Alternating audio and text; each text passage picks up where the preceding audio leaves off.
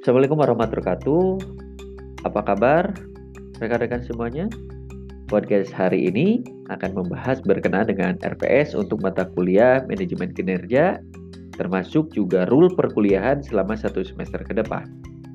Mata kuliah ini merupakan mata kuliah pilihan dengan kode MB552 sebagai mata kuliah prasyarat dengan bobot 3 SKS di mana harus lulus mata kuliah pengantar manajemen, MSDN, dan perilaku organisasi.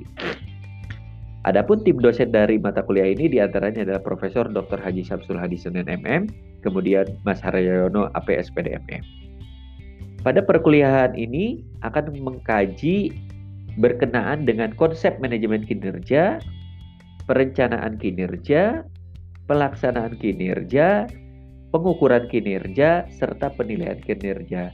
Di samping itu juga dibahas berkenaan dengan review kinerja, evaluasi kinerja, perbaikan kinerja, kemudian menyusun KRA, KPI, dan sasaran kinerja organisasi, kemudian menyeleksi KRA dan KPI organisasi, mengembangkan KRA kelompok kerja, mengembangkan KPI kelompok kerja, dan menetapkan metode pengumpulan pelaksanaan data dan umpan balik.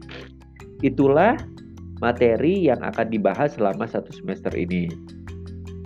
Adapun capaian pembelajaran dari mata kuliah ini yaitu bertujuan untuk memberikan pengetahuan dan kompetensi kepada mahasiswa tentang bagaimana melakukan penilaian kinerja pegawai dalam organisasi bisnis maupun non-bisnis yang terus-menerus berkembang baik secara lokal, nasional, dan internasional.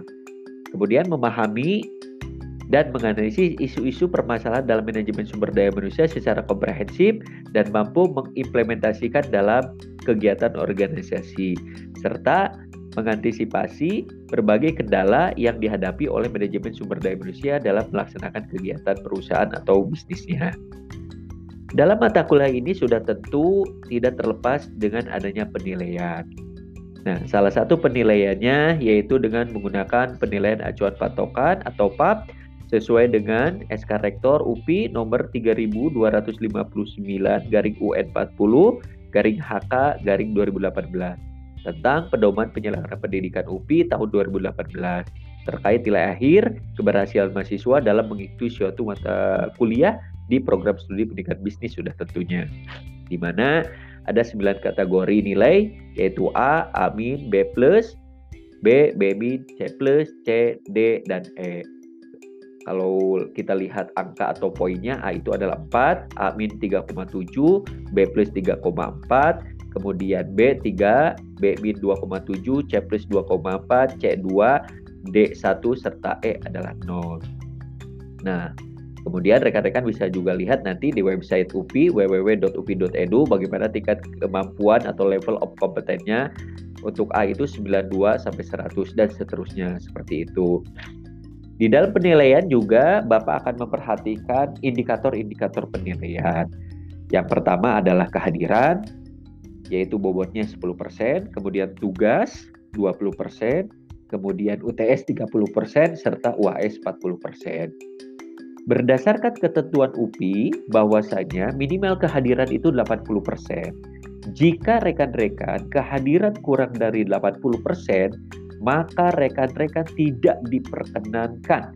Saya ulangi lagi sekali lagi, jika kehadiran kurang dari 80%, maka rekan-rekan tidak diperkenankan untuk mengikuti ujian akhir semester.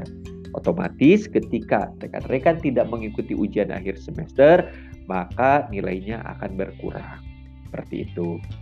Dan kemungkinan gagalnya sangat tinggi sekali. Jadi Bapak berharap kalau tidak sakit yang tidak memungkinkan ya lebih baik datang dan hadir seperti itu. Demikian yang bisa Bapak sampaikan untuk pertemuan podcast hari ini. Sampai ketemu minggu depan dengan pembahasan topik yang pertama Sampai ketemu lagi di channel yang masih sama 229 UPI Bandung dengan penyiar yang sudah seterusnya masih sama. Terima kasih. Wassalamualaikum warahmatullahi wabarakatuh.